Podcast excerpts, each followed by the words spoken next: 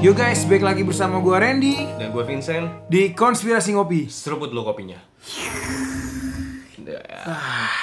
Coblos Halo, ya. halo guys Eh. Gimana guys? Whatsapp, whatsapp? Eh, enggak Gila-gila, nih kabarnya nih eh, pencinta piramid Padang ya. Piramid Padang Piramid Padang. Apa itu namanya? Gunung Padang Gunung Padang. Piramid Padang, Piramid Padang Itu rumah makan Padang Waduh. Pencinta nasi Padang pada makan di Payakumbuh. Restorannya Arif Muhammad. Arif Muhammad ya Masuk Pak Arif Muhammad, Iya, iya. denger kita podcast UMKM. Atau pagi sore mungkin masuk Pagi sore Pagi masuk sore, bisa. Silakan ya kan Pokoknya yang berbau masakan Padang lah ya. Bisa, bisa Karena kita kemarin sudah ngebahas Gunung Padang. Nggak Nyambung model ya Gak nih kali ini gue disponsori oleh ini nih Granita. Granita Makanya kopinya tadi kan lu denger kan bunyi Siap, tek. benar. Gua benar, coblos dulu, men. Iya, Granita. Ini Granita ini kopi ini, Bre. Eh, kopi penganut konspirasi, Bre. Jadi Penganut ketika konspirasi, lu, ya? ketika lu minum langsung terbuka tuh pikiran-pikiran lu ya kan Wis. akan konspirasi. Masuk Jadi Granita cocok masuk. banget buat kalian ya. Bre gila selama seminggu ini hasil dari podcast kita kemarin luar Eh, biasa ya Luar biasa, luar biasa. luar Meskipun zero money kita dapat bro. Meskipun zero money kita dapat. Iya, tapi kan sponsor masuk. Sponsor masuk ya, sponsor masuk. Jadi ya buat yang lain juga kalau mau masuk silahkan kontak di inquiries ya. Kontak ya. Iya. Dijamin brand anda tidak laku. Jangan gitu. Laku pasti laku. Apalagi kan pendengar kita banyak, Bre. Semi- Bener-bener. Eh, per hari itu sekitar 200-an lah ya. 200-an. Nah, itu sekitar 200 berarti Hmm. kalau dikali seminggu 1000 seribu pendengar lah ya. Ya 1400 lah. Ya 1000 sampai 1400 lah. Ya lumayan lah. Lumayan, lumayan. Ya kita open banget ya buat teman-teman atau sponsor atau eh, Ya, brand-brand gitu ya. Brand-brand.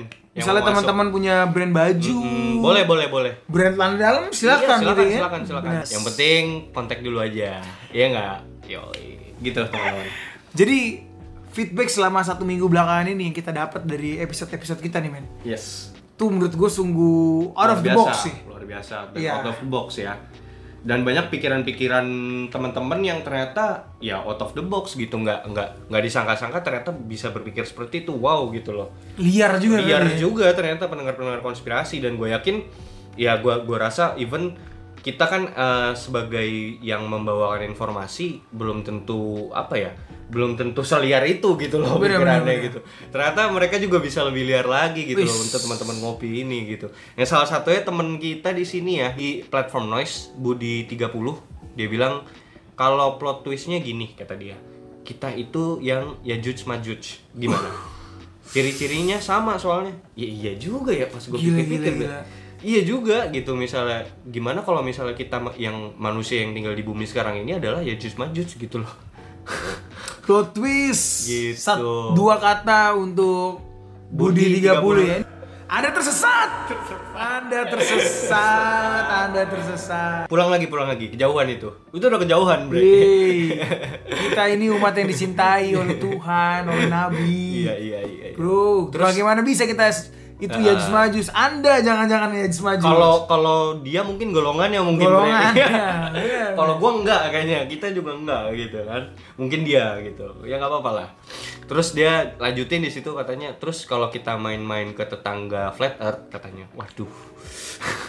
Peta dunia kita itu sebenarnya dikelilingi tembok es. Dan emang ternyata gue juga pernah nemuin satu teori, Bre. Jadi katanya kalau di eh, apa flat earth, flat earth society dikatakan bahwa kan lingkaran gitu ya bukan bukan bulat gitu lingkaran. Di sekelilingnya itu tuh ya kutub utara dan kutub selatan es gitu. Oke. itu katanya ya teorinya. Oke, untuk pecinta flat earth beli kecap emak kalian udah nungguin tuh. beli kecap buruan ya.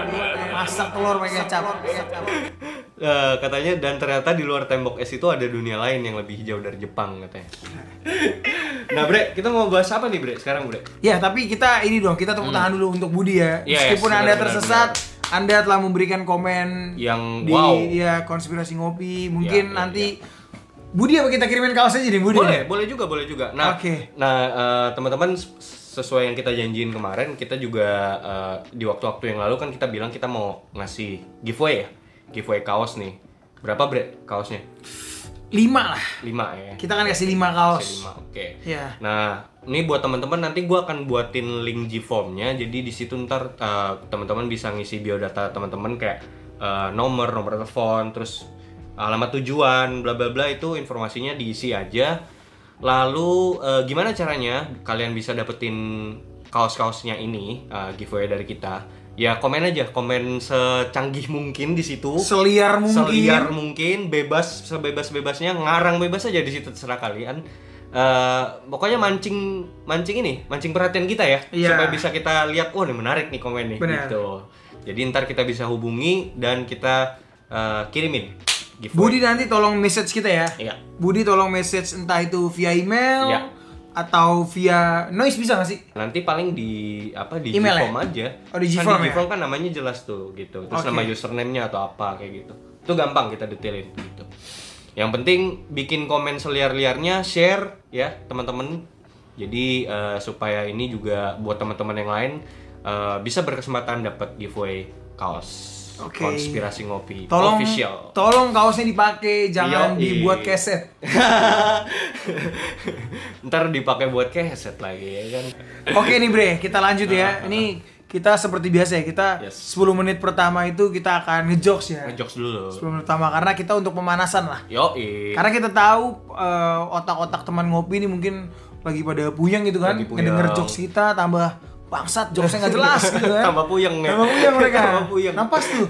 Ketika puyeng tambah puyeng, dimasukin informasi bro. Iya iya iya, makin makin panas ya. Yes. Makin panas. Itu teknik CIA bro. Oh iya iya benar. Itu teknik Teknik CIA kayak gitu, Bre. Iya kan kita memang mantan anggota Illuminati Iya, dan Jadi CIA. kita udah tahu metodenya ya. Kita udah tahu metodenya. Dan bahkan itu juga tertulis di SKS-nya uh, sarjana cocoklogi. sarjana sosiologi ya. Iya, jelas gitu. Nanti ketika ibu kalian minta tolong beli kecap, nggak beli nih kalian. Nggak beli kalian.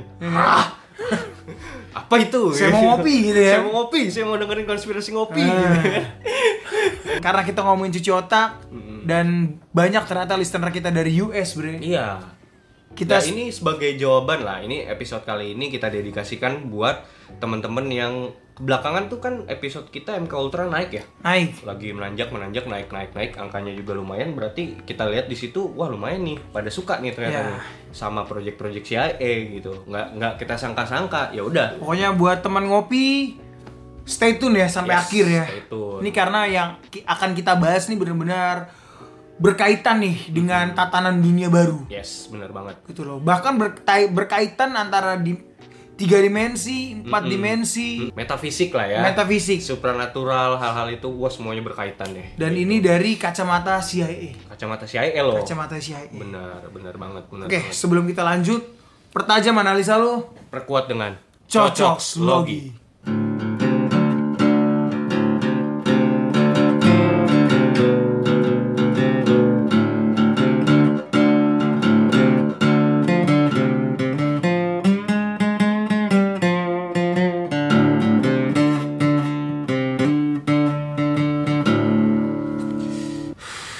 Oke bro, bro Finks. Yes. Kali ini kita akan mau ngebahas salah satu project dari CIA. Yes. Project ini bernama apa? Project Stargate. Nama Stargate. Iya. Nah ini gua mau salam dulu nih sama Oke. bapak-bapak CIA yang lagi denger ini sekarang ya kan. Gue ingin mengucapkan selamat bekerja Pak. I love you Pak. I love you so much Bapak CIA Bapak CIA. Tetap semangat Semangat. Tetap semangat Pak. Tetap semangat Bekerjanya yang rajin ya Pak ya. Kita dukung anda untuk mencuci otak dunia Iya iya iya iya. Oke Kita, Kita lanjut Bro. dedikasikan khusus ya buat bapak-bapak saya yang lagi mendengar ini mungkin lagi kerja sekarang kan lagi ngetik gitu kan dengerin konspirasi ngopi makin puyeng dia. Mau request lagu apa? Belum Sunday kita puterin apa? Luis Ande. Iya iya iya. Jadi eh, Project Stargate nih Bre, ini sebenarnya eh, salah satu top secret US military unit. Top secret ya? Iya top secret. Sebelumnya dulu. Kalau sekarang tuh udah jadi declassified eh, dokumennya di halaman resminya DIA, Defense Intelligence Agency, sama CIA itu udah declassified. Artinya udah udah bisa dibaca untuk publik. Udah dipublish untuk udah publik ya gitu. Dan kalau di tahun 70 tuh dulu mungkin memang masih top secret karena masih dijalankan kan proyeknya gitu. Oke, Kalau dari bahasa Indonesia sendiri Stargate ini kan berarti gerbang bintang ya. Iya, gerbang bintang. Gerbang bintang. Ini maksudnya apa nih, Bre? Lu bisa jelasin gak nih? Sebenarnya nggak ada penjelasan resmi ya dari Hmm. CIA. Ini cuman na- kode nama aja sih, cuman code name doang gitu Oke. dari CIA. Cuman kalau misalnya mau dicocok logiin ya, ini menurut gua kenapa mereka milihnya namanya Stargate gitu ya gerbang bintang ya karena memang ketika orang menjalankan project ini dia akan akan berada di dunia lain kayak gitu. Oke. Heeh, karena ini bersangkutan dengan hal-hal yang supranatural kayak gitu. I see. Can you explain to me Hmm. Project Stargate ini sebenarnya apa sih, men? Yes, jadi ini gue langsung masuk ya, Oke. uh, teman-teman. Jadi pada awal tahun 70-an tuh Badan Intelijen Amerika, CIA dan DIA bekerja sama dengan Badan Militer Amerika Serikat melakukan sebuah investigasi dan penyelidikan terhadap suatu fenomena supranatural yang kini dikenal dengan istilah astral projection gitu. Astral projection tahu ya teman-teman ya. Yang di mana penelitian dan investigasi ini melibatkan para ilmuwan dan peneliti yang bertujuan untuk mempersiapkan divisi mata-mata intelijen dengan memanfaatkan bakat supranatural yang dimiliki seseorang untuk melihat sesuatu dari jarak jauh. Kayak cenayang gitu. Kayak remote viewing gitu berarti ya? Hmm, bener remote viewing. Jadi penglihatan jarak jauh gitu tanpa dia berada di situ gitu misalnya. Oke. Nah, kepentingan militer dan badan intelijen ngorek informasi gitu. Sorry kalau di Indonesia itu kita bisa sebut lah salah satu nama almarhum Mama Loren ya. Mama Loren ya? Iya, yang dia bisa ngelihat perceraian artis Yes, gitu yes, kan. yes. Cuma mungkin saya ini tidak tidak menggunakannya untuk meramalkan perceraian artis gitu. Bukan, bukan bukan hal-hal seperti itu. Oh, Ini yang lebih penting. Ini eh, sangkut pautnya dengan apa ya keamanan negara dan Oke. Sorry, jadi- untuk cari informasi gitu. Oke, sorry. Jadi menurut lo keamanan negara itu lebih penting daripada kehidupan artis, men? Ya jelas dong, jelas. Tapi mengapa rating nomor satu itu akun gosip, bro?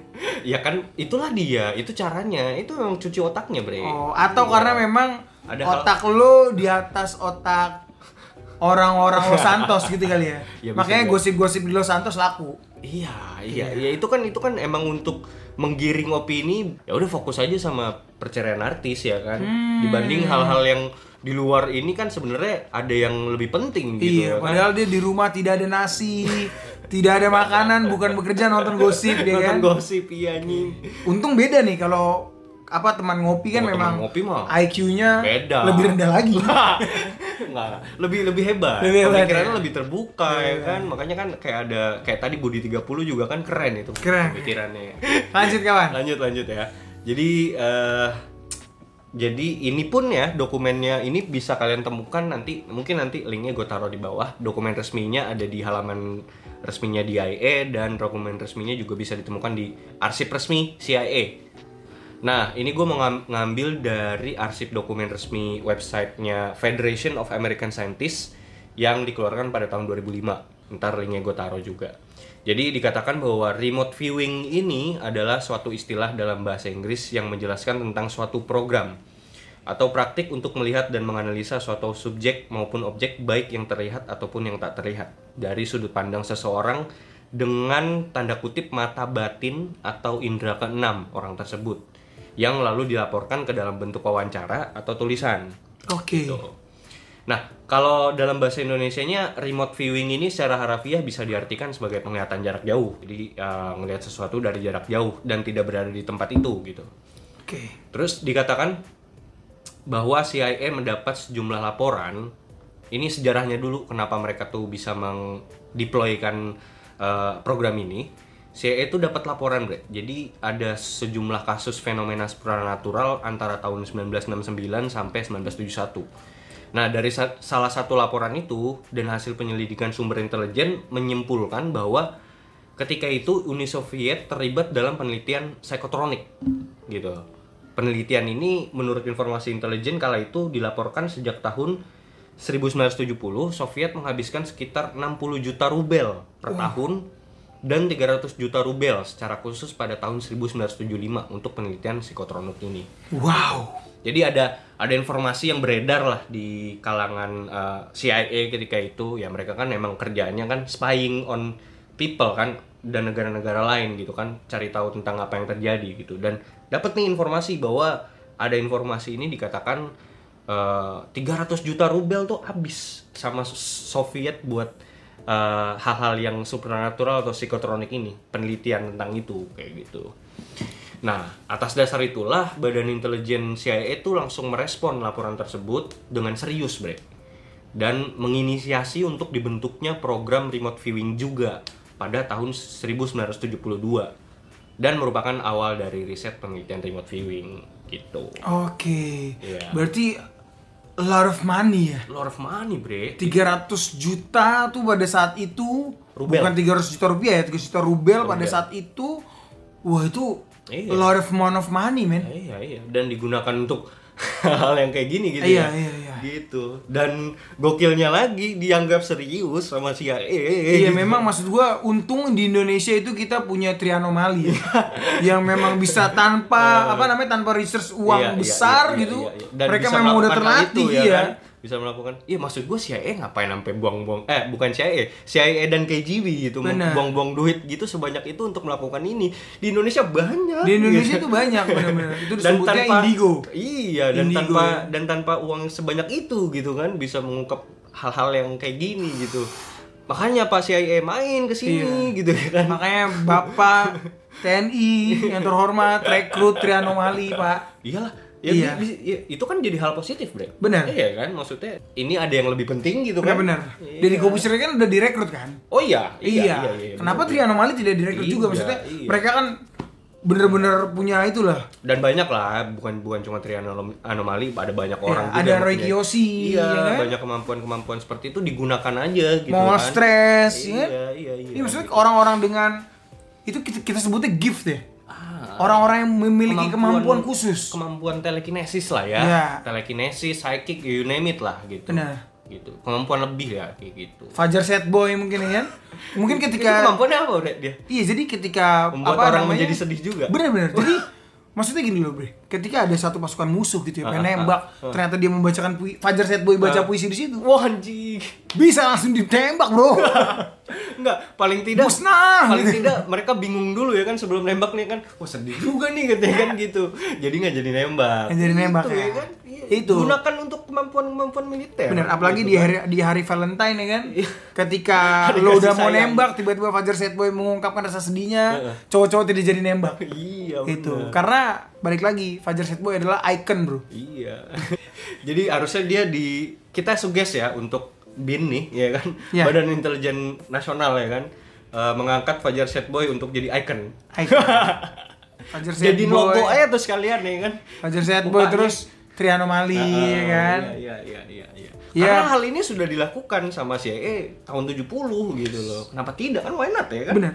Iya gitu loh. Nah, ini gue lanjut, Bre. Eh, project ini awalnya dinamakan Scanet. Scan by Coordinate oleh CIA pada awal tahun 70 dan didanai penuh oleh CIA dengan status highly classified program Oke. and under maintenance by presiden katanya. Wow. Itu. Iya. Dan nama proyek ini pun sering waktu berubah-ubah dengan dijalankan oleh berbagai institusi saintifik dan badan pertahanan Amerika. Variasi codename yang pernah disematkan untuk program ini di antaranya coba bre sebutin bre. Ini ya, ada Sunstreak, Grill Frame, Centerland, Ya.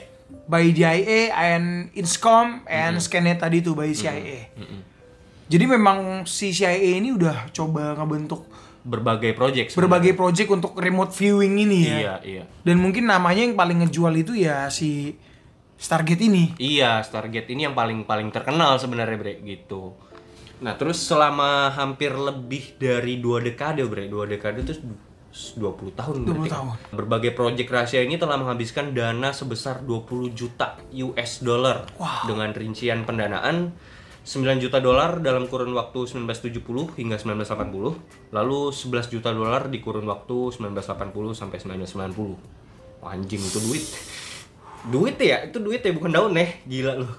Dan selama kurun waktu 1970 hingga 1990 berbagai program tuh dijalankan demi keberhasilan proyek ini dengan melibatkan 40 personel badan intelijen resmi, puluhan partisipan sipil dan personel tentara dan kurang dari 100 personel analytical support, ratusan penelitian dan ilmuwan dari berbagai institut berbadan riset saintifik seperti Stanford Research Institute, Army Research Institute, National Academy Sciences, National Research Council dan Science Application International Corporation. Nah, itu badan-badan resmi yang ikut eh, berkontribusi di dalam program ini. I see. Nah, dikata- dikatakan peserta yang mendemonstrasikan kemampuan psikis menggunakan setidaknya tiga teknik atau metode pendekatan, yaitu silakan bre, ada tiga metode bre di sini bre. Ini yang pertama adalah CRV. Mm-mm. Bukan Honda ya. Honda CR-V Bukan Honda ya. Iya iya. iya. Ini namanya Coordinate Remote Viewing. Iya. Ini teknik asli yang dikembangkan oleh Stanford Research Institute di mana para peserta akan ditanya apa yang mereka lihat pada suatu koordinat geografis tertentu. Hmm. Sorry. Uh, sebelum kita lanjut nih Iya, dari metode-metode yang dilakukan ini, Hmm. ini peserta yang mengikuti Iya, iya, iya. ini tuh memang orang Gifted. gifted. Gifted. Ya. Orang-orang gifted. Memang orang-orang yang diberikan kemampuan khusus gitu ya. Iya, iya. Kemampuan Mempunyai khusus kemas- kemampuan khusus lah. Iya, untuk menego harga kecap di warung tadi Iya, lima iya, ribu iya. bre. Wah, Wah, dia berpengampuan nih ya kan iya. diangkat nih sama Jago saya. negosiasi, Iya, ya kan? iya. Ya mungkin memang ada pendekatan khusus ya. Ada ada beberapa requirement tertentu mungkin dari CIA untuk ngefilter orang-orang ini lah pastinya gitu kan ada melakukan pasti kan di, di depannya juga dilakukan interview dilakukan analisis dulu nih orang memadai nggak gitu untuk menjalankan program ini gitu pastinya bre Oke. lanjut yang kedua Extended Remote Viewing. Iya. ERV. Ini Honda bakal launching kan ERV ini belum ada soalnya.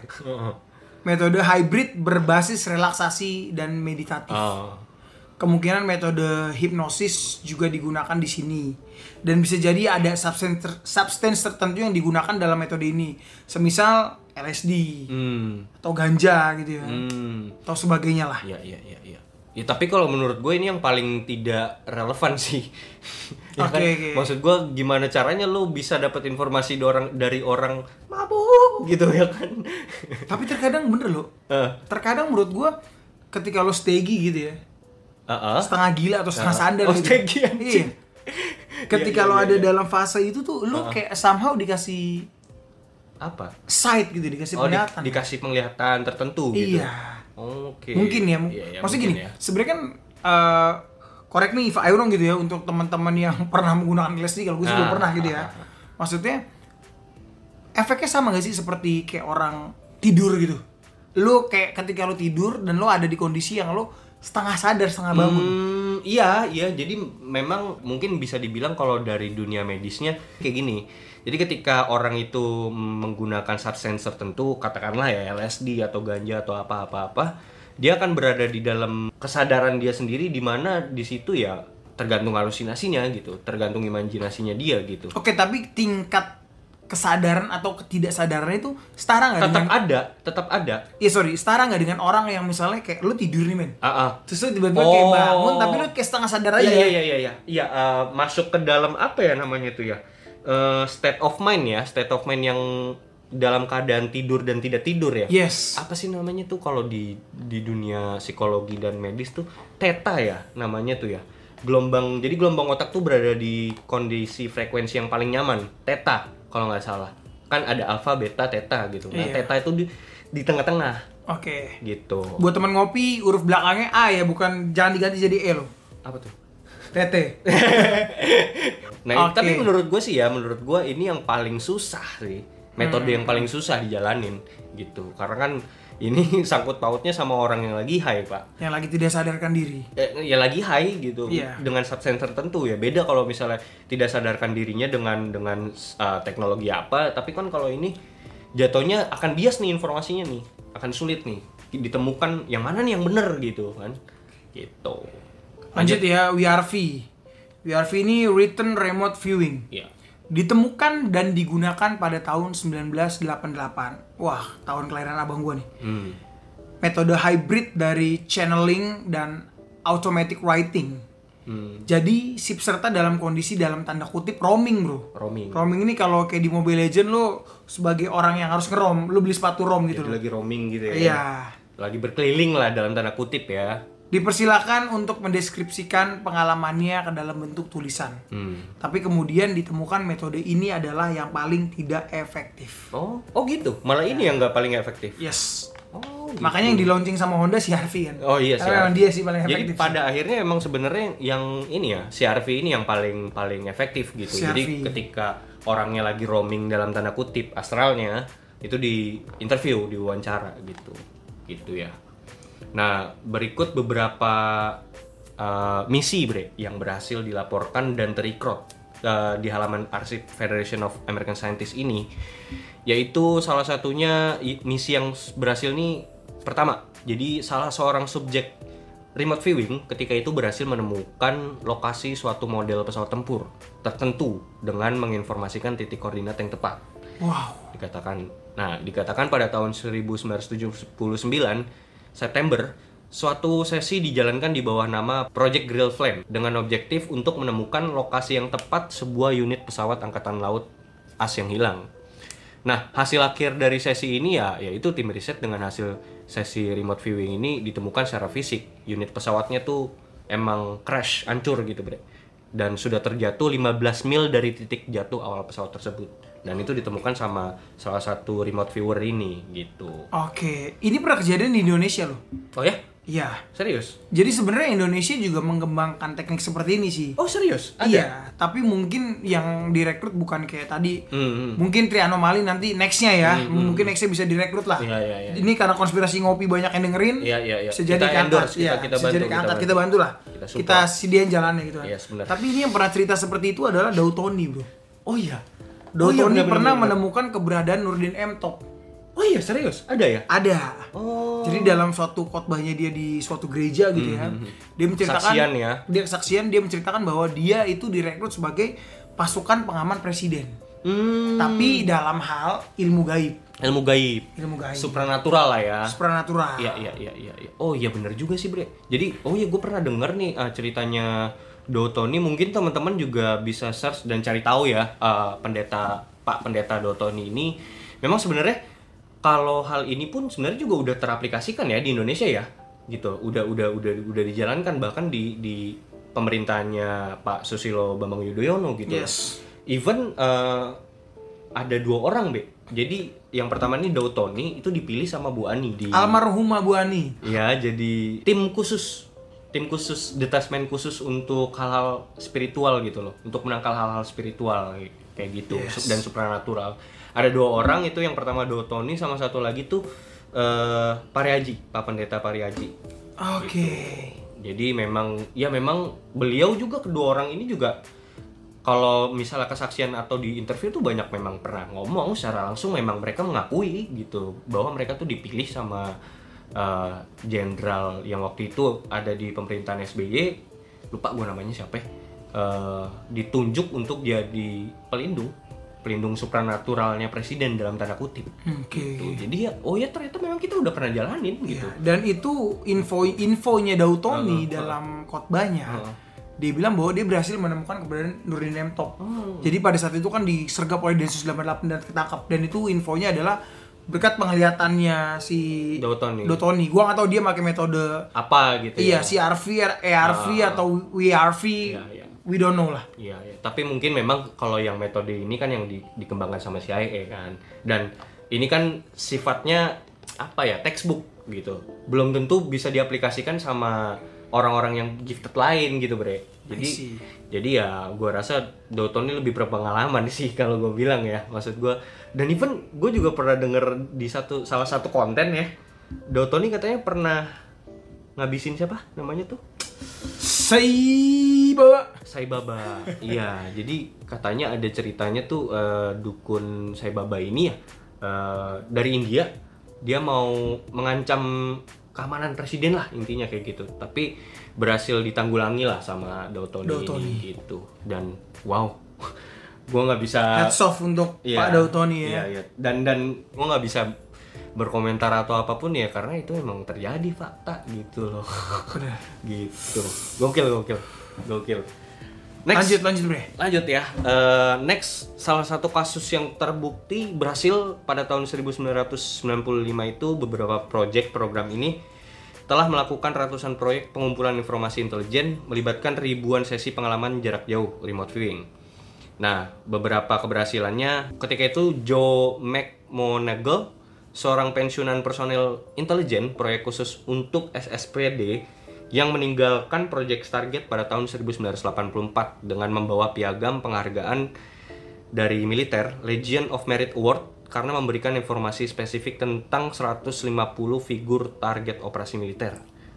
Jadi mungkin kayak dijelasin satu persatu uh, hobinya orang ini apa, ininya apa, kayak gitu mungkin, Bre. Bener, nah, bener, itu kan informasi yang sangat penting buat badan intelijen, Bre. Pastilah. Iya, buat operasi militernya gitu bisa berjalan lancar itu pasti gitu. Nah, lanjut seorang remote viewer ditugaskan untuk menemukan pesawat pengebom milik Soviet dengan nomor model Tu-95 yang jatuh di suatu tempat di Afrika dengan hasil akhir sang remote viewer berhasil menemukan titik koordinat lokasi dengan jelas dan tepat. Itu. Lanjut break. Pada September 1979, staf Dewan Keamanan Nasional menegaskan untuk memata-matai spesifikasi kapal selam Soviet yang sedang dibangun dan remote viewer berhasil mendapatkan informasi spesifik tentang kapal selam itu. Hmm. Dilaporkan bahwa kapal selam baru ini berukuran sangat besar dengan 18 sampai 20 tabung peluncuran rudal. Hmm. Dan area datar yang luas di ujung belakang yang akan diluncurkan dalam 100 hari. Hmm. Dua kapal selam, satu dengan 24 tabung peluncuran dan yang lainnya dengan 20 tabung peluncuran dan dek datar yang besar dilaporkan terlihat dalam 120 hari. I see. Wow, jadi ini uh, dia juga ngebocorin spek ini ya, uh, apa namanya kapal selam Rusia ya waktu itu. Ini jadi jadi informasi penting nih Benar. buat Dewan Keamanan Nasional gitu. Lanjut ya. Uh, Salah satu assignment remote viewing berhasil menemukan lokasi seorang perwira militer Amerika B.G. James L. Dozier hmm. Yang telah diculik oleh Brigade Merah Italia pada tahun 1981. Dia berhasil dibebaskan oleh polisi Italia setelah 42 hari berkat informasi yang berhasil digali dari sisi remote viewing tersebut. Hmm, I see, I see, I see.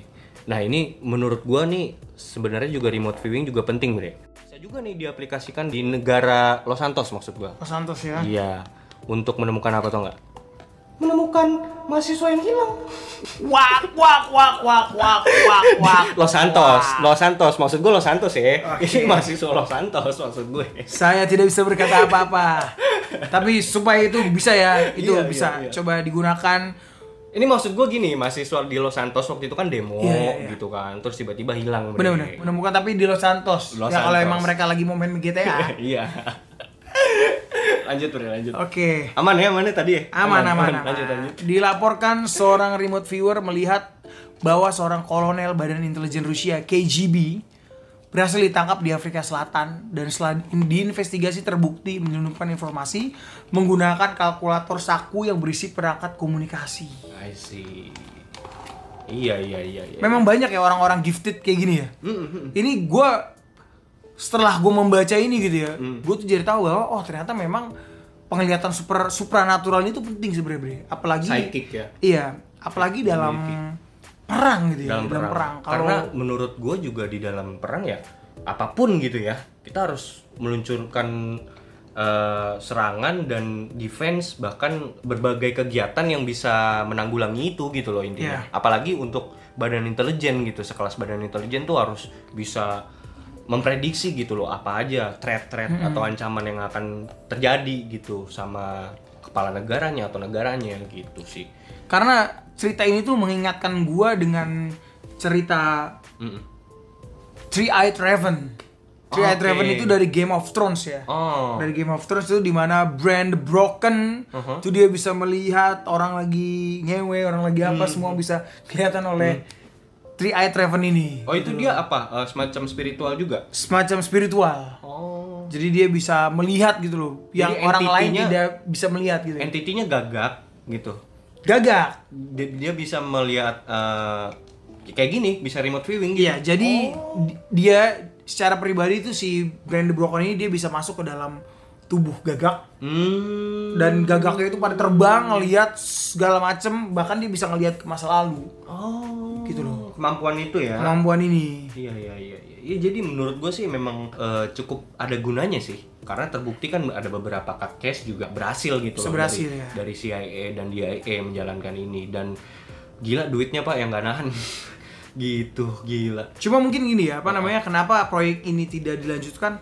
oh emang gak dilanjutin ya pada akhirnya Tidak, tidak dilanjutkan. Apa? eh iya sih berhenti tahun 95 ini 95. Nah, itu mungkin karena ini ya, karena trials and error itu banyak gitu. Iya Jadi, oke, ini ada tujuh case yang Case memang yang berhasil, berhasil. dipecahkan, tapi mungkin Betul. ada ribuan lainnya yang juga. gagal dan merugikan. benar benar kan Gitu jatuhnya kan. kan kita kan lihatnya tuh eh, mungkin kalau dari badan intelijen kan lihatnya juga dari sisi pengeluaran dan pemasukan dong Benar. harus sesuai dong gua ngeluarin duit segini nih ya harus sesuai dengan input yang kita dapat gitu loh Yes. cuman eh, ternyata memang ketika itu petinggi-petinggi eh, CIA mungkin ya melihat bahwa ya input yang kita dapatkan tidak sesuai gitu loh. Iya. tidak sesuai dengan apa yang udah kita keluarin. Nggak nggak bisa berpegang teguh gitu aja gitu loh bro. Maksud gua ini kan bukan bukan gosip tentang perceraian artis gitu Yang kan bisa diprediksi. Iya. Memang sudah bisa diprediksi perceraian artis-artis. memang sudah bisa diprediksi kan Sudah kan. bisa diprediksi oleh Jaya Jaya Jaya. iya ya kalau ini kan emang ini hidup orang pak maksudnya ini keamanan negara loh mungkin dilihat dari sisi itu yang nggak bisa lah kita berpegang teguh sama sesuatu yang Tidak pasti. Mm-mm, tidak pasti Uncertain. uncertain kayak gitu ya mungkin makanya dihentikan programnya pada tahun 95 Gue perkuat ya. Tapi dari ketujuh case ini, itu tuh case yang besar ya, yang which is ketika lo bilang A Mm-mm. dan memang terjadi A itu kayak menurut gue luar biasa Iya, sih. Nah, oke. iya. Pertanyaannya adalah gini, atau mungkin reasonnya adalah gini, kenapa sih dari segitu banyak percobaan hanya Iya, tujuh case besar yang berhasil gitu ya?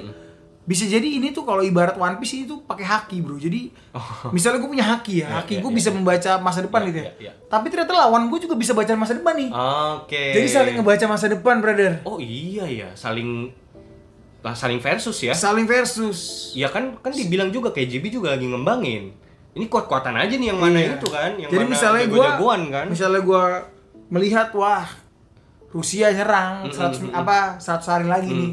Tiba-tiba si orang Rusia bilang, kita ketahuan kalau kita nyerang 100 hari lagi. Mundurin 120. Oke, ya itu kan kalau itu prediksi ke masa depan ya. Cuman kalau yang remote viewing yang dimaksud di sini tuh eh, dalam waktu sekarang, Bre, gitu. Tapi dia bisa melihat ke depan. Oh ya, ada beberapa juga ya. Di nomor 5 dong. Coba mana?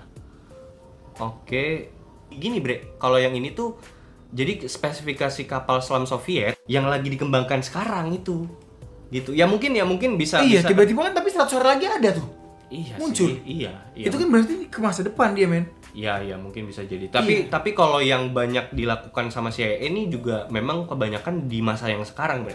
Jadi di, Oke. di waktu saat ini di saat ini juga gitu. Orang itu akan melihat sesuatu di tempat lain tapi dalam waktu yang sama. Ya mungkin juga bisa. Oke, di let's say misalnya depan. saat ini lo melihat Mm-mm. ada burung gagak gitu ya. Yes. Ada burung gagak kiriman dari teman kita Fajar misalnya. Mm, mm, mm. dan lu pa- akan menembak burung gagak Yes, itu. yes. Tapi Fajar juga melihat, oh Vincent Oh, udah iya, nyiapin iya, senapan nih, iya, iya. mundur burung gagak, dan dia akan mundur gitu loh. Dan dan bisa gue bilang semuanya itu adalah spiritual warfare, Bre. yes. Iya, spiritual warfare gitu. Yang which is ya itu juga pernah terjadi sama Dautoni kan sama Dao Tony Saibabi. sama Eh, Saibaba, lagi. sama Saibaba, maaf, maaf, maaf. Saibaba maksudnya. sama Saibaba, Saibaba menggunakan tombak, Iya. ditangkis oleh Oh, Dao Tony. oh, itu mungkin pertarungannya mirip-mirip kayak Thor ya. Iya, kan? kayak gitu ya ya. Nggak nggak ada bedanya dengan hal-hal uh, film-film fantasi sih pada Iya. akhirnya gitu loh. Ya itu udah kita nggak bisa kita kita bukan ranah kita kita juga nggak ngerti kayak gimana. Cuman yang jelas hal seperti itu ada ternyata. Ada. kayak gitu. Benar-benar. Dan even zaman SBY terbukti gitu ada. Bukan hanya di game ya. Eh, mungkin ini juga ada sangkut pautnya gini bre banyak cara dan metode badan intelijen tuh untuk mengorek informasi bre ya salah satunya dengan hal ini kan Oke. ini kan juga Dan ini ternyata ditutup karena iya lebih banyak ruginya dibanding Iya, untungnya mungkin ya. benar benar benar gitu Oke. dan ah, banyak lagi nih metode lain ya salah satunya ya mungkin metode interogasi nanya Oke. langsung Iya kan? Jadi yang dikembangkan oleh CIA ini ketika Heeh. jadi mereka melakukan banyak banyak project, Banyak project. project reject, tapi project yang tidak berhasil itu itu akan ngelit mereka untuk Betul. meneruskan ke project lainnya. Betul betul. Jadi sebenarnya kalaupun memang ini projectnya terminate, tapi kan terminate dan bukan berarti gagal, Bre. Artinya ada beberapa case, ada beberapa pelajaran yang bisa diambil I see. dari project itu dan dibawa ke Iya, project iya, lain iya. dong. Oke. At least setidaknya nggak sama sekali rugi-rugi banget gitu loh. Ada- hasilnya tidak nol besar lah. Mm-mm, ada lah beberapa hal yang mungkin bisa mengungkapkan bahwa hal-hal seperti ini tuh bisa terjadi gitu. Bahkan ada hubungannya juga dengan eh, psikologi, psikologi manusia gitu kan. Oke. Nah itu dihubungkan sama kalau teman-teman cari tahu ya, jadi eh, banyak badan intelijen ya bahkan dunia bukan cuma CIA itu melakukan interogasi kepada tawanan atau tahanan yang ditangkap ketika itu menggunakan musik gitu. Jadi dipercaya musik itu ada some kind of gelombang suaranya tuh bisa membuat manusia tuh mental breakdown, bre.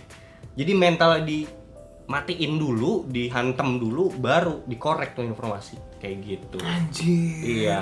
Nah, ini memang yang dilakukan oleh CIA ya setelah rangkaian project-project akhirnya mereka melakukan itu ke musik dan kayaknya kita harus ngebahas nih men, Hmm. musik-musik yang memang bisa ngebuat depresi orang Yes, yes. yang yes. bahkan akan sampai meninggal gitu ya. Mm, mm, mm, mm. Dan ini akan kita ungkap dari sisi kacamata kita sebagai cocok loggers. se- sebagai CIA, cocok loggers Indonesia atau internasional nih?